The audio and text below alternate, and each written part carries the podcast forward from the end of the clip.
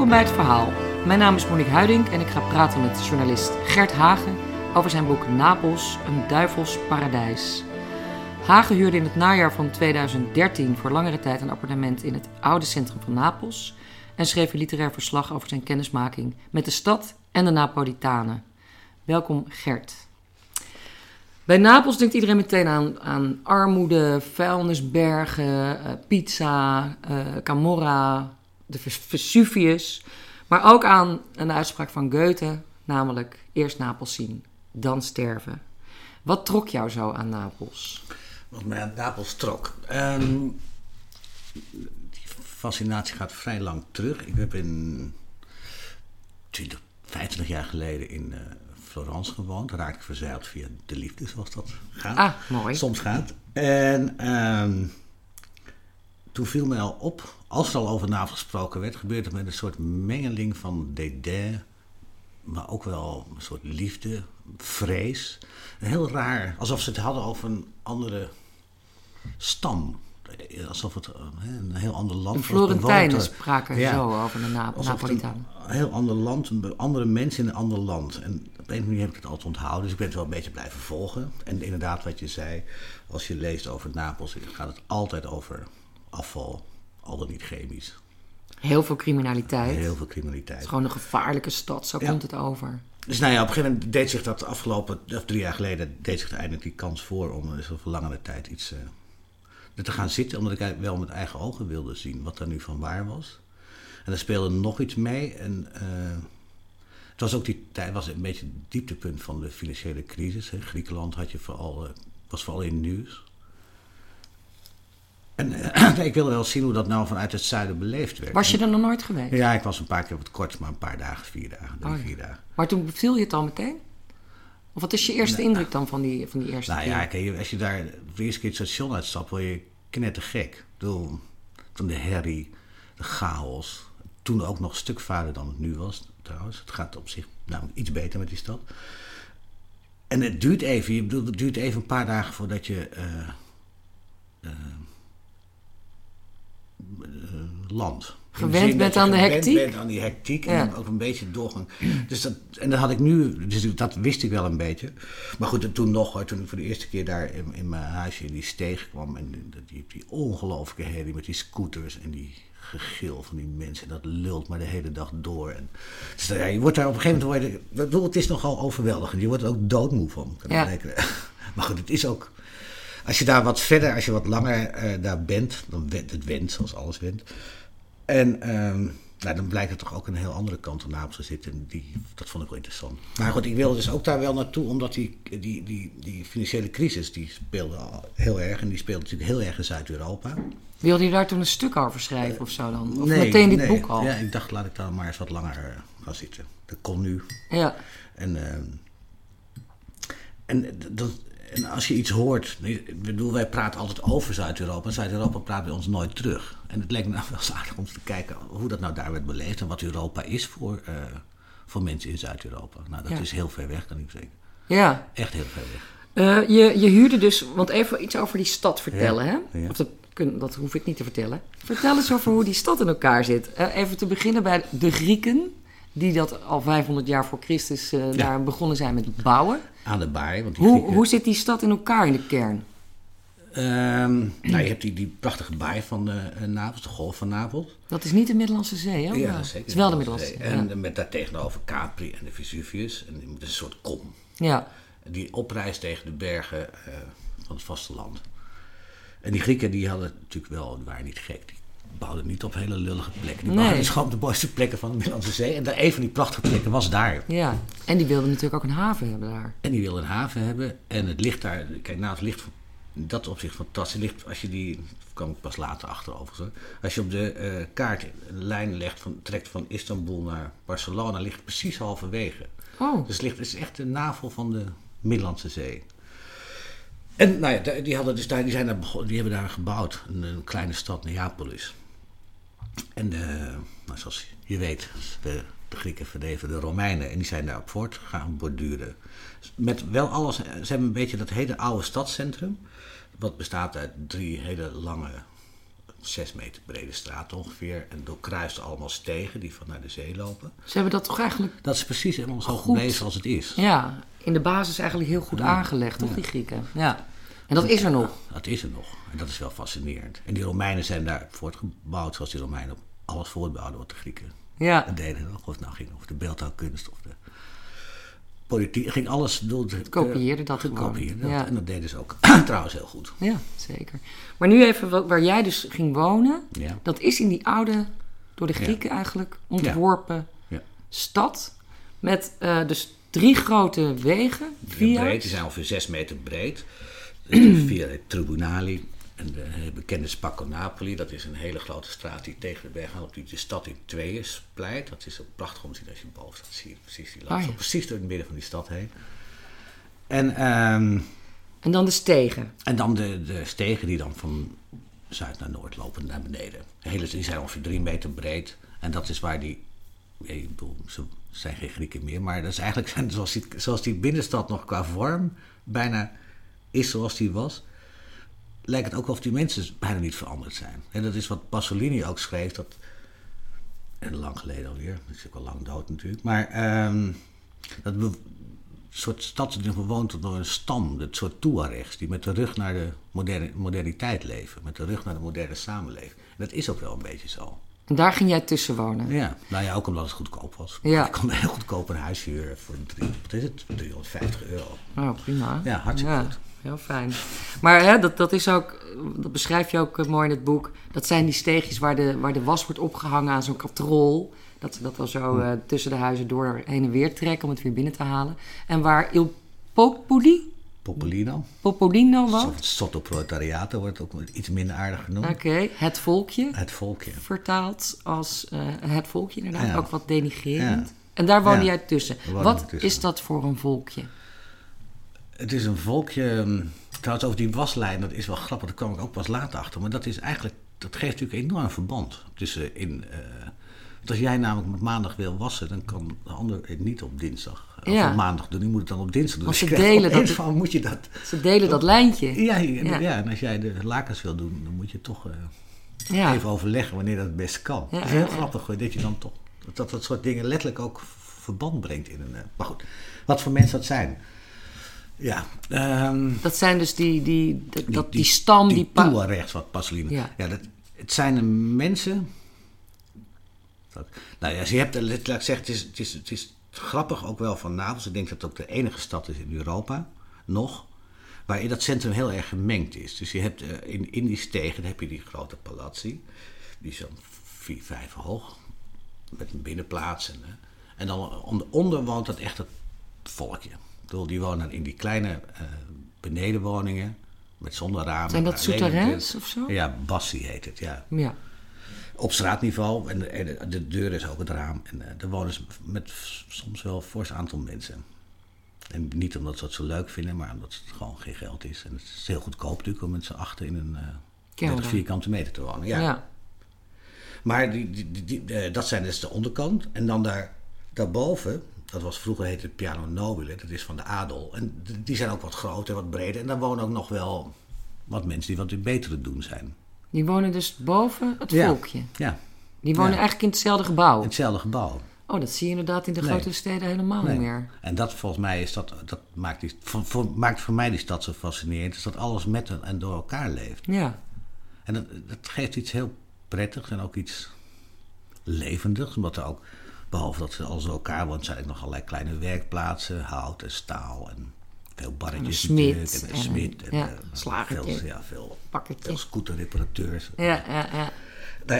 maar goed, die wonen, dus wat, eh, die wonen dan wat hoger. Dus naarmate die hoger gaat, hoe beter in de regel men ervoor staat. Ja. Um, je, op de achterflap staat uh, uh, Napels. de, de stad staat voor het mooiste en het lelijkste gezicht van Italië. Wat zou je willen zeggen dat het mooiste gezicht van Napels is? Nou ja, natuurlijk los van die prachtige ligging aan die baai met die Vesuvius en die, dat Capri en Ischia.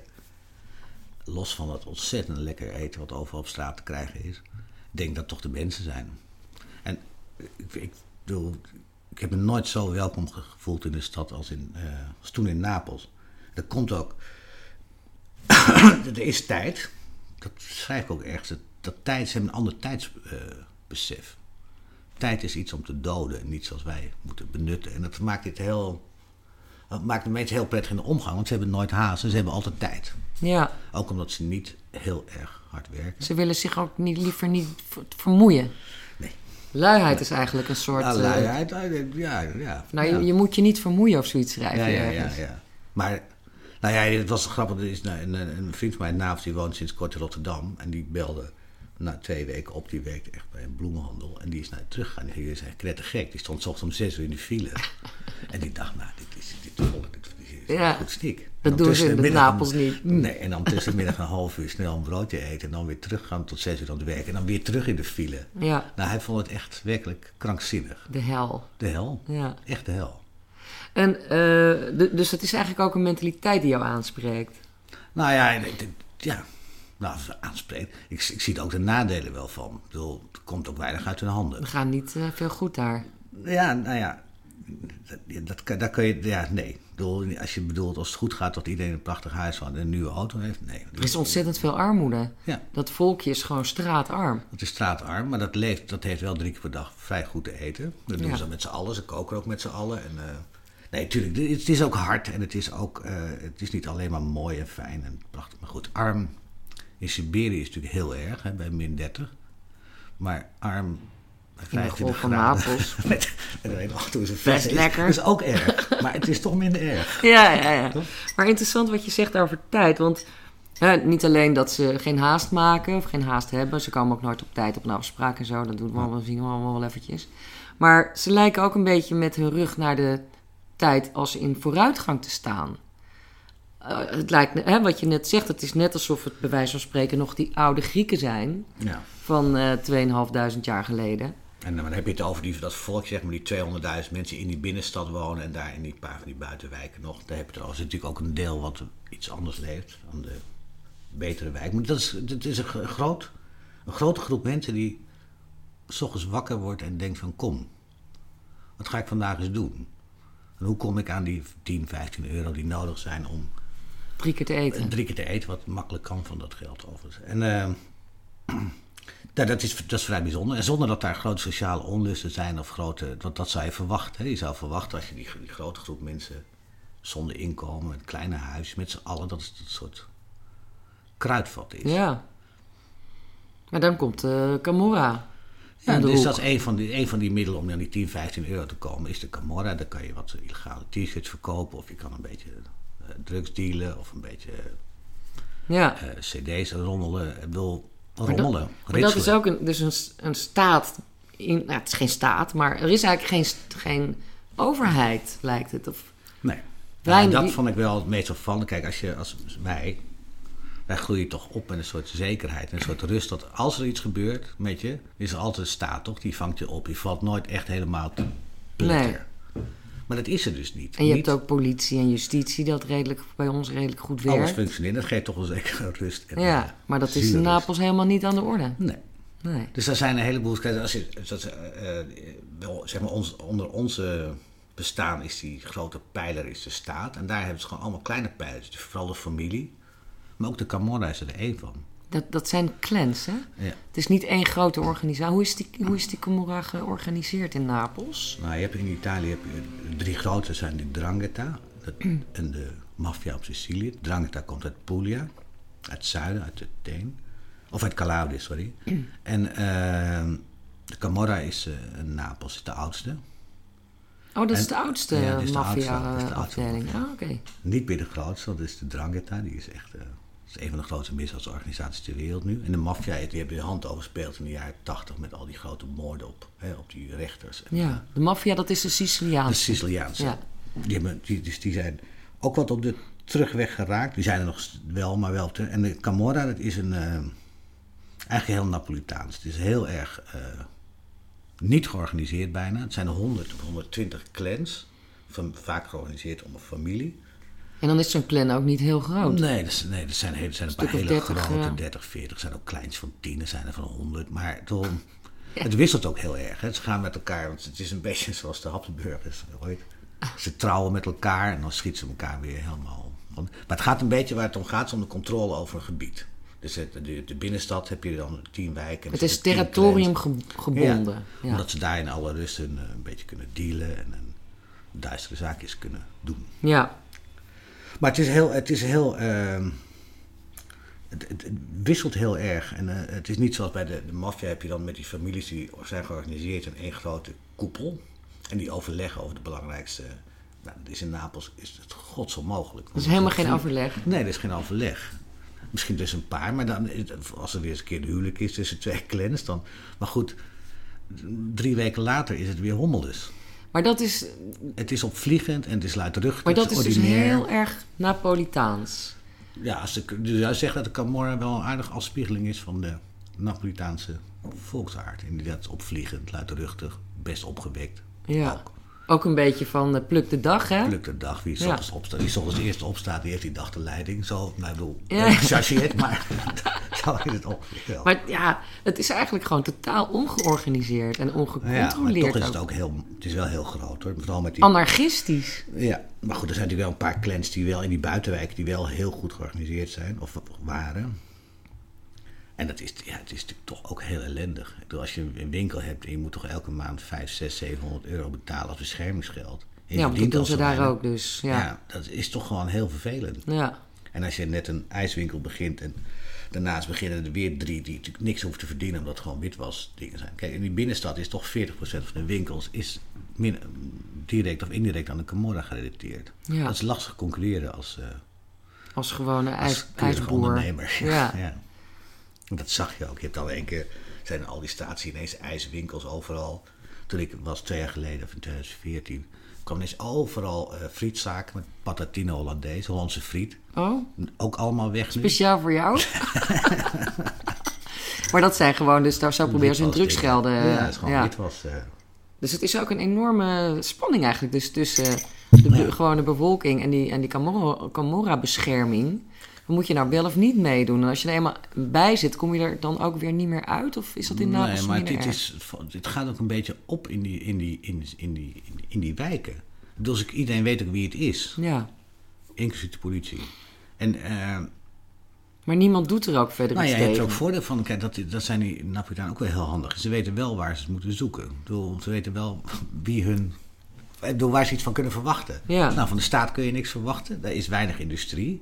Dus nou ja, dan in godsnaam, dan gaan we naar de Camorra. Dan heb, heb je in ieder geval werk. Ja, en wat inkomen. Ja, en je hoeft er niet vroeg voor uit je bed. En uh, het heeft een hoop voordelen hoor. Zo ja, uh, het past eigenlijk helemaal bij die Napolitaanse way of life. Ja, ja. Ehm, het, is, het is wel een, een, periode heel goed gegaan met Napels in de geschiedenis. Ja. Welke periode was dat? Dat was de periode eh, van de eerste Bourbon. Nou, er was een tijd dat Goethe en Stendhal daar, of Goethe daar was. En, uh, Dan zitten we in de 18e eeuw? Ja, 18e eeuw. Een heel verstandig, heel verstandig bestuur. En dat, eh, dat is... Wie zaten er toe? De Bourbons. De Bourbons. Maar een goede Bourbon. De goede Bourbons. Ja. En uh, toen werd ook het San Carlo gebouwd. En dat was het, even het oudste theater, muziektheater in Europa, of in Italië in ieder geval. Prachtig gebouw er kwam een grote hortus botanicus. Er werd een museum, Pompeii werd begonnen met opgraving. Dus het was een ontzettende, kort, weliswaar kortstondig, maar wel een bloeit. Het was Napels ook een van de belangrijkste steden van Europa. Hè. Het was ook het, het was toch de hoofdstad ook? Of de hoofdstad van het Koninkrijk Koninkrijk van de beide Sicilië. Heet het. Ah, oké. Okay. Sicilië, Zuid-Italië plus Sicilië. Dus dat was een één koninkrijk. Ja. En dat was ook wel heel belangrijk uh, aanlegplaats voor de Grand Tour. Hè, voor die reis die goede jongelui maakten. Ah. Vooral Engelsen. Door Europa naar de hoogtepunt van de Europese cultuur. Ah, En was Napels wel een van de... Dat eindigde het ook. En dat was ook wel tegelijk het hoogtepunt. Ja. Nou ja, lees Goethe erop na. Die waren nogal, uh, toch? Die, waren, die was, zwaar, onder, de indruk. Die vond het een geweldig... Nou, eerst Napels zien, dan sterven. Dat heeft hij... Uh, ik bedoel, dat lijkt me... Dat zegt alles. Maar uh, wanneer ging het dan mis? Want het was dus gewoon eigenlijk een heel erg uh, fantastische, bloeiende stad. Ja, maar het was een echte hofstad. Uh, in de zin dat er was een, een, een dus wat je koningshuis, koningshuis en dan krijg je dat natuurlijk allemaal adel aan. daar, ja. En er kwamen nog wat mensen van het platteland ook. die adel die gaf werk, die werk, liet stoelen maken, kleren ja. maken, zoals dat gaat. Dus je had wel een hele beperkte economie. Maar ik denk in de 19e eeuw ging het al wat minder. Gewoon slechter bestuur. De, de, de volgende Bourbon die, uh, maakte er een zooitje van. En wat er echt misging is in uh, 1861 bij de eenwording van Italië. Want toen ging het noorden met het zuiden nou, het werd noorden, één die, land. ja, nou ja, de, ja het noorden is, is, die opstand begonnen. Of, of, althans die strijd voor de eenwording van Italië. En uh, Garibaldi, die is op Sicilië daarmee begon. Hele snelle, hele onderdachte uh, samenvoeging van uh, een groot aantal koninkrijken, hertogdommen.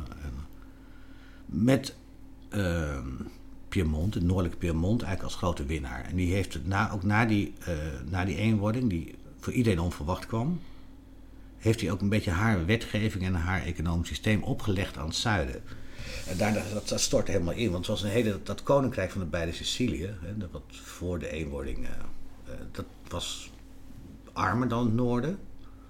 Maar het was een vrij beschermde economie. Hè, de hoge tariefmuren, dus een beetje zelfvoorzienende. En dat, dat ging. Ik bedoel, niet goed, maar het ging wel. Maar uh, toen, uh, na de eenwording, al die tariefmuren werden afgeschaft en het een soort vrije economie werd, stortte het hele zuiden in. En dan hadden ze ook nog de pech dat er ook nog een grote cholera-epidemie, nog, geloof ik, nog een uitbarsting van de ziekte, in ieder geval. Rampen, ja. rampen komen nooit alleen. Nee. Die, uh, en dat ging, daarna is het heel snel bergafwaarts gegaan. Dat is eigenlijk een beetje te vergelijken met de Europese Unie, uh, ja, als je het zo vertelt, hè? Dat het noorden ook uh, aan het zuiden van alles oplegt, nou ja, met alle vreselijke ja. gevolgen van dien. Ja, ja dat, dat vinden zij ook. Zij doen dan, Duitsland is Piemonte van, uh, ja. van toen. Ja, precies. Piemont van toen is Duitsland van nu. Ja. Als je dan nu naar Napels kijkt, dan dan is dat, ziet dat er voor het zuiden van Europa eigenlijk dan ook niet zo goed uit. Waar begint het zuiden eigenlijk van Italië? Waar ligt die onder lijn? Rome. Onder Rome. 100 kilometer, 150 kilometer onder Rome. Ja. Dus vlakbij Napels. Eigenlijk begint het bij Napels. Ja. Kun je ja, iets, ja, ja, daar in de Caserta zo net 100 kilometer, Ja. 50 meter erboven. Ja. Want ze hebben, als ik, als ik het goed begrijp uit jouw boek, gewoon ook een hekel aan, eh, aan elkaar, hè? Het noorden van Italië en het zuiden. Nou, ze leven met de rug naar elkaar toe. Ja. En dat is volstrekt onbegrip. Dat was toen al. Hè, want in die eenwording, na die eenwording kwamen die Piemontees kwamen naar het zuiden toe. Die dachten dat er in, op Sicilië nog Arabisch werd gesproken. Ah, ja. Dus dat is een hele mooie brief van een minister van Binnenlandse Zaken. Die schrijft naar de koning. Hè, toen de koning van het eh, eenheidsstaat Italië. Die wil dat hij eigenlijk liefst de Napolitanen allemaal de tong uit zou rukken. Zijn, eh, ze leven als varkens, zei hij. Oh, ja. Dus dat, dit, dit is nooit zo'n fijne verhouding geweest. Nee. Spraken de- ze elkaars taal eigenlijk wel? Konden ze elkaar Ja, verstaan? Nou. Want het Nou, Napolitaans is toch ook wel een heel eigen taaltje? Ja, ja het is een, eh, het wat heel merkwaardig amalgaam van Frans en Catalaans en Oostenrijks Oostenrijks. ja. Alles voor iedereen die er geweest is, daar zit een, eh, Ja, met een hele, ja, nee, het is wel een grappig taaltje, maar het is lastig te verstaan. als je gewoon normaal Italiaans Ja, eh, wordt het lastig. spreekt. Ja. Ehm, hebben Napolitanen wel eigenlijk het idee dat ze Italianen zijn? Voelen zij zich Italiaan? Nou, ze voelen zich in eerste plaats Zuid-Italiaan, Napolitaan en dan Italiaan. Ja, Dus ze ja, Toch wel? Ja. voor het nationale voetbalelftal Ja, wordt ja, Als, er een, Na- als iemand van Napoli meespeelt. Ja, maar zuinig. Ja. zuinig. Dan wordt, ik bedoel, als er als Napels speelt, dat is, dat is fantastisch. De hele stad staat vol met schermen. Iedereen kijkt gewoon. Ja. Eh, Heel die straten zijn vol. Dan wordt het alsof je de tribune bent. En niet één straat, maar alle straten. En als de nationale elftal speelt, is dat toch wel een stuk minder. Ja, ja. Het enthousiasme toch wel kleiner. Dus hun identiteit valt echt samen met Ja. de stad. Ja. Niet met het land. Nee. Ja. Waar zou dat vandaan komen? Uit het gevoel dat ze altijd, en dat is niet helemaal terecht, maar het gevoel dat ze altijd achteruitgesteld zijn. En altijd een kolo- als een kolonie behandeld zijn. Beetje slachtoffergevoel. Nou ja, daar hebben ze wel een beetje last van. Ja. Vind ik een beetje te erg. Bedoel, Het is de lastige vraag, de lastigste vraag die je aan een Napolitaan kan stellen. Is van, waar ligt jullie eigen verantwoordelijkheid eigenlijk voor deze Want? puinhoop die ervan Ja, gemaakt? wat is Nee, want het zijn altijd de anderen. Het zijn de, vroeger de Spanjaarden, de, de Bourbons Ja. en daarna de Noord-Italianen. Maar zelf, slachtoffer, ja, slachtoffer, wat een beetje Ja. Limburg natuurlijk ook wel heeft. eh, Dat gevoel dat je ja. niet serieus genomen wordt. En dan is dat, deels is dat best terecht hoor. Ik bedoel, er- er is ook heel weinig geïnvesteerd in, eh, in het zuiden. En het eh, noorden van Italië is ook, bedoel, er is ook bijna alle grote investeringen zijn ook gedaan in het noorden. Maar goed, ze hebben natuurlijk ook wel een soort eigen verantwoordelijkheid. Ze hebben ook Ja. idiote bestuurders gekozen. En, bedoel, Ja, want op een gegeven moment is er een aardbeving geweest. 1980. 1980. Want ze hebben gewoon ook wel echt pech. Maar ze zitten natuurlijk ook gewoon onder die Vesuvius. Ja, ook nog. Ik bedoel, die kan best... Hij, hij is slapend, toch? Ja, het is maar hij is niet eh, dood. Nee, ja, het is een hele enge... Ja. Een hele enge Ze kunnen elk moment van de kaart geveegd Ja. worden natuurlijk. Net Nee, als met want ook hij hangt natuurlijk helemaal vol. Hij hangt helemaal vol met eh, apparatuur.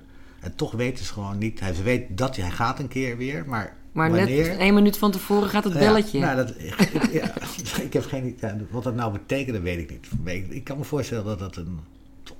Het geeft toch ook een ander Ja. levensgevoel. Ja. Een continue dreiging. Maar ze, die ze ook nog notabene geaccepteerd hebben. Dat is nou eenmaal zo. Ja, Hij kan beetje moment, ja, en we wonen hier nou eenmaal, dus het zal allemaal wel waar wezen. Maar daar komt, tenminste, dat het zegt een van de mensen die je interviewt in het boek ook, daar komt ook dat gevoel van pluk de dag, eh, leef bij de dag. Nou, Hè? ja, nou, dan is het altijd de vraag of ze dat ook niet gebruiken. Als dat, dat, toch? Dat Ja. denk ik ook wel. Ja, precies. Dus als Nee, nog even terug. de schuld geeft, kun je ook de schuld aan de Ja. geven of aan de Het is in ieder aardbeving, geval, eh, aardbeving. ligt niet aan hun. Nee, nee, nee. Want in 1980 hebben ze dus een enorme aardbeving en dan gaat er best veel verloren in de stad. Of veel Ja. doden, geloof ik. ja. En dan krijgen ze wel degelijk van eh, de, de Italiaanse overheid gewoon allerlei geld, veel geld, om weer op te, nieuw op te bouwen, wederopbouwgeld. En dat verdwijnt allemaal in allerlei zakjes en Ja. niet in, in stenen voor Dat heeft huizen. de Europese Commissie geloof ik ook onderzocht. Dat is het grootste fraudeschandaal in de Europese Ja, geschiedenis. Want van hartstikke 58 miljard is er eh 30 Echt miljard verdwenen. Ja, nee, echt gruwelijk. Maar dat krijg je ervan als je ehm, dat niet goed regelt. Bedoel, dan- je moet- als je gewoon iemand daar in naam van een zak geld neemt, dan weet je dat die Camorra erop afkomt. Dat is die zo op. Dat, is die zo op. Die, die weten er echt wel raad mee. Maar is de Camorra, Camorra dan op een gegeven moment ook niet in de bouw gegaan? nou, dat, ze dachten van nou, ja. dan gaan we daar gaan we een Ja, die komen opzetten. eigenlijk overal waar geld is. Ja, Dat waren natuurlijk in de jaren 80. eh, is, de, is de bouw, toen kwamen de heroïne, cocaïne. Dus overal waar geld is, daar zitten. Het zijn gewoon een hele flexibele, ja. eh, soepele ondernemers. Ze- Die, eh, stromen die altijd naar het geld nee, Ja, toe. die stromen. Maar met die bouw bedoel ik, het was bedoeld om te wederopbouw van, Ja. van het geen kapot was gegaan. Maar Ja. dat hebben ze dus ook niet Nee. gedaan. Nee. Zie je nog dat nu in, zie je nog in de, in de stad dan restanten van die aardbeving? Ja, nou, het gemerkwaardig is dat die, want dat, eh, die stad las, lag er toen heel slecht bij. En, en, en dat oude centrum zeker. Maar dat is eigenlijk, gek is dat je er eigenlijk weinig van ziet. In de zin dat die aardbeving, dan gaat het wel schudden. Maar alles hangt al een beetje tegen elkaar aan. Een beetje zo'n rot gebit, weet je Wat dan toch, Ja. die tanden blijven wel zitten. Oh, Maar laat dat maar- schudt dan ja. En niemand kijkt, want ik heb het ook een keer gehad, dat de aardbeving 4.2. Wat ik echt, Ja, dat is een klap. nou, ik stond... Daar lachen ze om. Lachen ze om. Nou, het interesseert ze geloof ik niet eens. Ik weet het niet, maar ik was... Ik, wil, ik vond het behoorlijk spannend. Ja. Maar kennelijk als je dat gewoon... eh, De vierde keer is dat niet zo erg meer. Want het Moet je alleen toch kijken niet of er echt geen naschop komt. En dan Ja. verder eh, Gaan we weer door met de dag. gaan we weer door met de dag. Ja, ja interessant is maar ja, grappig. Ehm, de, Na- de, Na- Napels is ook door, door zeer veel, of nou in ieder geval door een ja, aardig wat eh, andere invloeden, sp- andere landen, andere eh, belegerd en overwonnen, et cetera. Maar je schrijft ergens in je boek, eh, die Napolitanen die, die zijn een stam en die laten zich niet beïnvloeden door derden. Nee. Die blijven gewoon zichzelf, maar ze, ze buigen dan wel eventjes. Eh, Hoe, hoe- wat riet is in, dat voor riet iets? in de wind. Ja. Dan buig je mee en ondertussen kijk je onder ooghoek. Waar kan ik hem... eh, een- Snaaien. Waarom kan ik het beste... Een, eh, hoe kan ik het beste voordeel uit dit uit nu bewind halen? Ja. Het heeft toch geen zin om er tegenaan te Is dat, hangt dat ook samen met dat pluk de dag eh, idee? Ja. van, Ja, we kijken wel. het We zien gaan wel. wel eens kijken. En nu, ja, nu- Kijken wat nu- te halen Ja, valt. nu komen die Duitsers. Duitsers zijn natuurlijk ook geweest. En want het is een andere vorm van verzet eigenlijk. Hè? Ja. Want ze doen totaal niet wat die over nieuwe overheersers willen. Nee, nee oogschijnlijk. Oogschijnlijk buigen ze zich keurig. En ze wordt ook enorm welkom geheten altijd. Het Ja. de Duitsers zijn of de Noormannen. Echt fantastisch. Ze wordt onthaald. De stad viert vijf dagen feest. En ondertussen denk ik, nou, het zal. En volgende, de, de- volgende week hebben we weer een nieuwe. Ja, we gaan eens kijken hoe dat... Maar we eh, zijn altijd in voor een feestje. Ja. Is dat het een beetje? Ja, nou ja, het, is wel opvallend hoe, eh, eh, hoe groot al die mensen onthaald zijn. Die bezetters, zeg maar. Ja, bezitters ja. Maar dat Niet- was natuurlijk ook niet, met eh, die Duitsers zo. Ja, ging ook in één keer draaide dat om van de ene. Dan zijn de Amerikanen kwamen binnen en ze waren, nog een deel, waren er nog niet. Of iedereen zong het Amerikaanse volkslied bij wijze van Ja. spreken. Terwijl ze daarvoor toch keurig... eh, het zijn gewoon gigantische opportunisten. ja, maar misschien moet je het ook wel zijn als je gewoon niks hebt, toch? Ja. Nou ja, ik vind het een... eh, het is een ongelooflijk goede manier van overleven. Ja, dat is het. Het Ja. is ook overleven, dat is het. Ja. En kijk, je kan er heel veel... En ik kan er ook, je kan er ook heel veel kwaads over zeggen. Maar ik, ik vind het feit, als je, dit, dat, en dat kennen wij natuurlijk helemaal niet, dat je moet overleven. Nee. Zonder enige hulp van wie dan ook. Ja. Nou, dan, ga dan sta je toch anders in het leven, denk ik. ik godzijdank weet ik het ook. niet, maar ik, denk, Ja. ik kan me voorstellen dat je dat ook gaat doen. En wat, wat ook... Wat, ze hebben ook heel veel steun aan het geloof, maar dat is een eigen soort katholieke versie volgens mij. Ja. Ze hebben er zo'n dodencultus met Ja. allemaal schedels Ja. en dingen. Ja, dat, daar heb ik echt heel... Ik heb dat geprobeerd, maar ik, ik ben zelf helemaal niet gelovig. Dus het staat heel... Het katholieke geloof heb ik helemaal... Bedoel, Nee. dus het staat allemaal heel veel af. Ik heb wel geprobeerd. Ja, dus ze, bouwen een band op met doden. Ja, Er zijn een aantal eh, plekken waar schedels eh, verzameld zijn in grote grotten. En dan kan je een schedel kan je adopteren. dat zijn echte schedels. Echte schedels Ja, van, mensen die in 17, 18 of 19 Ja. overleden zijn. Anonieme doden. En die kan je adopteren. En dan kan je geef je een muntje of een eh, Ja, buskaartje zie je wel liggen of een kaarsje. En dan hoop je dat je eh, daar iets voor terugkrijgt. Dus een stem uit het, uit het dodenrijk. Ja. Die je dan helpt bij een... eh, steun. Een soort engel of zo. ja, ja, ja, maar ook hele platte dingen natuurlijk. Dat je de- lottocijfers Ja, goed hebt. goed, goed hebt. Maar er is hartstikke veel bijgeloof daar ook. ja, ja, het is hartstikke bijgeloof. Maar volgens mij vindt de katholieke kerk dat helemaal niet goed als ze dat soort Nee, dingetjes... maar daar trekken ze zich ook helemaal Oh, niks nee, van aan natuurlijk. nee. Laat me lekker zitten. Ja, wat je ook, eh, wat je ook vrij uitgebreid beschrijft is het, eh, de hele cultus rondom Napoli, de, de voetbalclub. Ja. Daar had je het al net al een beetje over. Ehm, waarom is dat zo... Waarom is die club zo ontzettend... Want ze zijn ook echt allemaal Allemaal. voor Napoli. Nou ja, ze hebben natuurlijk niet zo heel veel om trots op te zijn meer. Ah, Vroeger, ja, vroeger natuurlijk. wel. Had je, Ja. wel, je grote, grote componisten, grote schrijvers. Ja, En nu is het niet zoveel meer. dan heb je die club. Dan heb je die club. Ja. Dat is nog, eh, die Maradona, dat is natuurlijk, dat is echt, dat was de belangrijkste heilige. Dat is echt de belangrijkste heilige. Want die speelde daar in acht- Ja. 1987. 87. En werd toen 1985, landskampioen. Ja, als het voor het eerst werd, eh, nou, maakte die... eh, Dat is notabene een Argentijn, maar dat kan ze ook niks schelen natuurlijk. Nee. En een enorme Camorra vriendje. Ja. Die was erg bevriend met een paar van die hele grote clanbazen. Maar dat maakt allemaal niet uit. Ze vonden... Nee, het is echt een... Je ziet ook over van de stad een grote muur. Schilderingen. Ook een en icoon eigenlijk. eh. Kapelletjes met mijn haar van Maradona. Met tranen van Maradona. Alles van Maradona is in kapellen. En kapelletjes hangen. Ja, Nou ja. Nee, dat, die heeft de stad... Voor, nou ja, wat ze ook zelf zeggen, Die heeft de stad weer een soort eh, trots teruggegeven. die Oh, ja. ze... eh, 100 jaar niet, of meer dan 100 jaar. Niet dus meer dat, hadden. dat vertegenwoordigt die, die voetbalclub eigenlijk. Ja. eh, de, de, Ja. iets, iets positiefs Ja. tussen alle Ja. Alle, ellende in. Eh, je bent ook heel erg onderzoek gaan doen naar de, naar de echte fanatieke aanhang. eh, die, die noemen ze het ultra's. ja, de ultra. Dat Ja, dat was, de hooligans van Napoli. ja, dat was maar ook maar mijn oorspronkelijke idee. Waarom wilde je dat eigenlijk? Nou, ik dacht, ik, dat ken je vast ook wel. Tim Parks heeft dat eh, met Hellas Verona gedaan. En je hebt natuurlijk ook wel Engels Nick, Nick Hornby. En er zijn wel van die voetbalboeken die, eh, Die zeg maar, duiken een in stad dat... of een streek vrij van de hand van de support. En ik dacht, nou, dat leek me wel een aardige manier om die stad in te komen. Van een ander deel of een andere kant van die stad te laten zien. Dit was natuurlijk toch, want hoe kom je in die onderkant? Ja, Dacht ik toen in het begin. Maar goed, bij dit, dat was al vrij snel... eh, maar dat lukte je bijna dat lukte niet. absoluut niet. Dat is een hele gesloten, wantrouwende club mensen. Bloedlink ook trouwens, begreep ik achteraf. En dat is ook niet echt nodig, want bedoel, ik woon gewoon midden tussen die lui. Ja, Dus ik bedoel, je had een ik beetje zat in die onderkant. Wat al. dat betreft had je een iets, eh, had je, was je, je, je opzet, die, die klopte niet helemaal. Nee. Ja, Nee, nou ja, het is veel te optimistisch. Ik bedoel, ik, want ik kwam er toen wel, woon ik een paar dagen. En, eh, zij- die, die, een van die fanatiekste ultragroeperingen. Er zijn een stuk of twintig van die groepen. En die zijn ook allemaal weer geleerd aan Camorra clans. Het is een Ja. beetje een soort miniatuur. eh, het stadion is een beetje een miniatuurstad.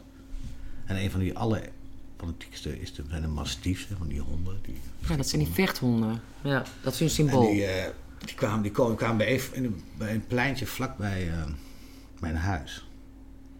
En nou ja, ik heb heel vaak geprobeerd om naar contact te zoeken. En, Sprak tegen, tegen alle adviezen van uh, mensen in die zeiden: Je bent gek, want ze zijn echt uh, het zijn verschrikkelijke mensen. Oh. Maar, nou ja, goed, ik sprak ze aan. We probeerden te groeten. Je Ja. weet hoe dat gaat, s ochtends. Uh, koffie Ja. drinken. Praatje maken.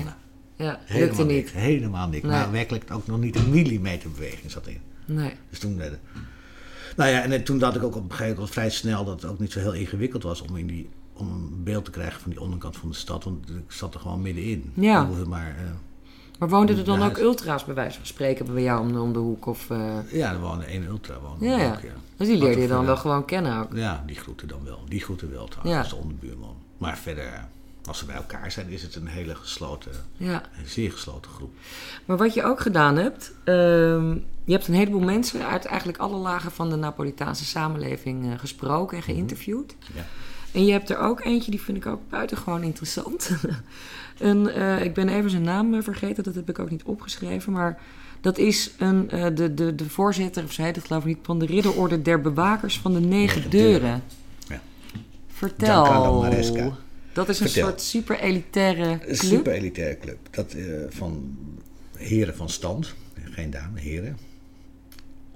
Die Ja, mannenclub. een mannenclub, een hele chique mannenclub, die eh, zichzelf zien als de bewakers van al het mooie en goede wat Europa heeft voortgebracht op het gebied van voedsel, kleding, maar ook de jacht en de Sigaren. sigaren. Door alle De elegantie van de man. de en, en de, de een 19e eeuwse herencultuur. man. Weet je, zeg maar de Bo Brummel, 19e eeuwse Bo Brummel-achtige, dat is ook een beetje hun ideaal, geloof ik. En die komen eh, één keer in de zoveel tijd samen en dan praten ze over eh, de geneugten des levens. Ja. En deze man is wel, dat, dat lijkt heel snobbies. Hè, Zo'n man die eh, met een zijden kamerjas. Met een, eh, want dat is ook heel chic. Hè? Als je heel chic bent in Napels, dan loop je de hele dag in een kamerjas. Dan laat je zien dat je niet iets ordinairs hoeft te doen als werk. Of boodschappen doen. Dan loop je de hele dag lopen. Dan ga je pas s'avonds kleed je aan. dan ben je echt... eh, Ja. Dus hij loopt de hele dag in een kamerjas. Een mooie kamerjas. Die man die was officier van justitie of zo. Hij was advocaat geweest. ja, hij dus die had, was gewoon ook financieel in orde. Ja, Ja. wel. En, is, ja. en dan wel een erfenis, want hebben ze ook... Het zat wel, nee, dat Zat zat hem dan wel mee. Ja. En die ging dan naar Schotland om hele mooie, de mooiste stoffen uit te zoeken voor weer een pak. eh. ja. En dat is dan ook... Eigenlijk, dat is totaal het tegenovergestelde van, eh, dan weer van dat volkje. Ja, en toch leeft dat ook dan weer samen. Want ik ging met hem ook wel eens wat eten in de Spaanse wijk, wat toch een vrij heftige wijk is. En dat kan dan ook. Dat is, dat is op een of andere manier. Wij, wij hebben dat natuurlijk in Amsterdam, maar ook in Parijs en Londen en Berlijn begin nu ook. Is dat natuurlijk heel erg gescheiden. Het centrum waar we nu hier zitten is eigenlijk alleen nog maar voor mensen met wit en met geld. En Ja, dat is bijna niet meer te betalen. Ja. Nee, dat is niet meer te betalen. En Zeker in Amsterdam is dat Het gewone helemaal- volk wordt verdrongen. Ja, naar buiten Ja. de ring. Ja. Is hier niet zo in Utrecht. Ah. Nou, maar de- we hebben hier ook steegjes. Namelijk de zeven steegjes, die zijn hier verderop. Daar woont gewoon eh, Ja, nog steeds eh, het, gewone, het gewone volk, weet je wel. De Nou loodgieter en de timmerman. Nou De het is gewoon toch belangrijk dat mensen met elkaar in contact blijven komen. Ja, En als dan, wat in Amsterdam natuurlijk heel erg is, dat eh, alles wat, wat arm is buiten ring Ja, maar die komen nooit meer binnen de, Ja. de ring en anderen gaan dan, dan krijg je toch een rare stad. Ja. Dan krijg je ook rare beelden van elkaar. Het is best wel gewoon met elkaar, en dat gaat dus in Napels wel. ja, en ook met... Want deze keurig geklede heer, die loopt, die, loopt gewoon door zo'n zogenaamd Ja, gevaarlijke en dan wijk. loopt hij toch met een hoed waarvan die mensen geloof ik wel twee maanden van kunnen leven. Ja, ja, ja, ongeveer ja. loopt hij over. Maar er zit dus ook iets heel erg egalitairs dan in. Ja, iets heel solidairs op een manier. Ah, Ik dat vind is het ook met meer. immigranten. Er zijn vrij veel immigranten. Viel mij op. Steeds meer. En, een Waar komen die vandaan, eh, voor zover dat kunt? is, eh, Is dat- Pakistan veel, Ah. Sri Lanka. Eh, Zijn dat geen vluchtelingen? Ja, deel. De economische vluchtelingen. Ja. En een deel Niet ook wel. Syrië en zo. Ja, ook wel een deel, maar dat toch veel minder. Ja, En ehm, daar wordt ook vriendelijk mee omgegaan. ja. Hm. En nou ja, ook omdat iemand wel zei, dat eigenlijk die vluchtelingenprobleem is, had uitgevonden kunnen zijn door Napolitaan. Nu is natuurlijk helemaal niks meer te doen. Laatst het al het werk wat ze nog een beetje deden, van heel weinig doen door die vluchtelingen. En dus de hele dag gewoon een beetje Kletsen en eten. En, eten.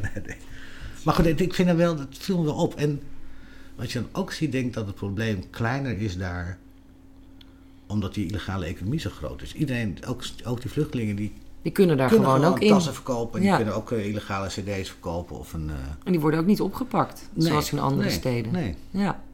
Want het is eigenlijk gewoon één grote zwarte geldcircuit daar. Ja. Ik denk dat 40% van de economie zwart is. Ja, maar zo kunnen. Ja, want dat beschrijf je ook mooi. Dat, dat, die stad heeft natuurlijk de ene klap naar de andere klap overleefd. En, ehm, nou ja, er kan nog wel een klap bij. Ja. Want Nou, het ja. rolt allemaal wel. Of het Nou komt ja, allemaal wel weer goed. grappig, want die financiële crisis die natuurlijk heel heftig was in, Ja. in Italië. Die is daar, dan denk ik, nou ja. Dus in Milaan en, en, en, en noordelijke steden, Milaan en Turijn, komt dat veel harder aan. Ja, En hier denk ik, nou want die zijn niks gewend. helemaal niks gewend. Dan is wel- Net, ze zijn net als zo'n huizen, die, dan, die, die schudden dan even. En dan zet je Ja. je tafel weer recht en dan ga je weer verder. In plaats van dat het helemaal instort. Ja. Ehm, die, eh, nog even terug naar die ridderorde. Oh ja. Dat is ook, vind ik ook heel opvallend. Die, dat is, die vertegenwoordigen ook natuurlijk gewoon de, de elite van, eh, van Ja. Napels. Maar die, doen er ook, die staan ook met hun rug naar de, naar de Ja. samenleving. Ja. Waarom is dat? Nou ja, Ze proberen het ook niet te verbeteren. Nee. Zelfs wijs, dus als al die, elke Napolitaan, als je vraagt hoe het met hun gaat, of met de stad gaat, bedoel ik, dan gaat het altijd over het verleden, het gaat nooit over nu. Dus ook in dit geval zegt ze weer, we hebben in 1799 was er een kleine opstand geweest, geïnspireerd door Napoleon, eh, tegen de koning. En dat waren een aantal intellectuelen en, eh, die dat eh, geïnitieerd hebben, die opstand. Die is verschrikkelijk neergeslagen, ook door het volkje Ah, en de koning samen. Oh ja. En sinds die tijd is, de, is die elite is ook letterlijk eh, voor de helft onthoofd. Onthoofd. En die andere helft is, eh, eh, heeft zich teruggetrokken achter de muren van hun paleizen. En heeft zich niet meer laten zien tot de dag van vandaag. tot de dag van vandaag. En uh, nou ja, ik, het, het is ook een soort laksheid. Ik vind ook dat je dat kwalijk kan nemen. Ja. Als je zo Ze nemen ook geen verantwoordelijkheid. Nee, nee, Nee. nee. Maar zij zegt natuurlijk zelf, het is godsonmogelijk, en dat is misschien ook wel, het is godsonmogelijk om daar iets aan politiek te doen. Bedoel, Werkt toch niet. het werkt niet en het, is, eh, eh, het, het werkt gewoon niet. Nee. We kunnen maar beter een beetje Ja. leven zoals we leven. Ik ga je vragen nog een stukje voor te lezen. Dit eh, geeft al, vind ik, mooi weer hoe, je, hoe je die stad en die mensen beleeft. De stad verwarde me. Napels was anarchistisch en bureaucratisch. Opgewonden en berustend. Stram en lenig. Telkens wat je dacht te vatten, glipte je door de vingers. De stad was geen dag gelijk aan zichzelf. Het Napels uit de boeken en de films was een sjofele, maar vitale stad waarin het leven uitbundig werd gevierd. Gulzig, gasvrij en sensueel. Het was de stad van de kleurrijke stegen en de kitscherige kapelletjes. Van O Solo Mio, pluk de dag en laat maar waaien. De stad ook van de spreekwoordelijke Bella Giornata, de mooie dag. De dag waarop je samen met vrienden loon koestert in de zon tegen de mooiste decor van de wereld, de golf van Napels. Waar het dolce far niente tot kunst is verheven en furbo, sluw, gewiekst, als een deugd wordt beschouwd. De vertolker bij uitstek van het leesgevoel was de acteur Antonio Di Curtis, beter bekend als Toto. Een luchtige clown, vol ironie, overlevingsdrang en melancholie, die met zijn op improvis improvisatie gestoelde komische acts het land veroverde. Deze zoon van een 16-jarig Siciliaans meisje en een aan wal geraakte markies was de lichaam van het onvertaalbare woord Napole Napolitanita. Zie je zelfs onsprekelijk. Een bonte mengeling van passie en indolentie, van triestheid en vrolijkheid, en van sluwheid en slimheid. Zijn spel was het resultaat, zei de filmregisseur Fellini eens, van eeuwen honger, ellende en ziekte. Zoals vele Napolitaanse kunstenaars had Totò op jeugdige leeftijd zijn geboortestad verruild voor Rome, waar hij op een aprilochtend in 1967 werd getroffen door een fatale hartaanval. Nadat in Rome een plechtige mis aan hem was opgedragen, werd het stoffelijk overschot, conform zijn laatste wens, overgebracht naar zijn geboorteplaats.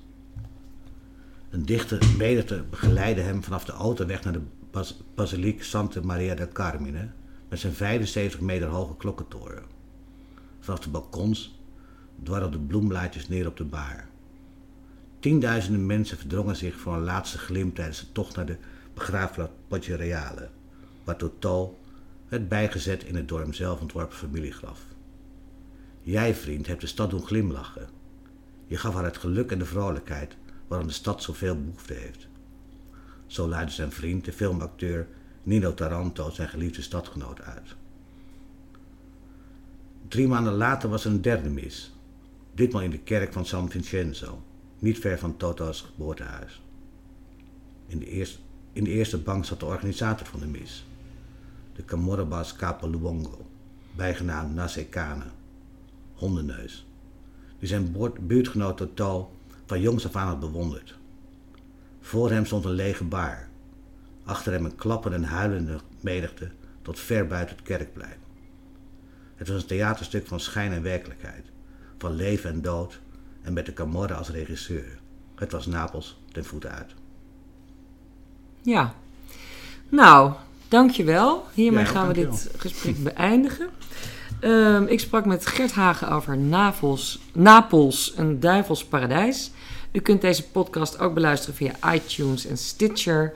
Abonneer, volg of laat een reactie achter als u deze podcast de moeite waard vindt. Waarvoor alvast hartelijk dank.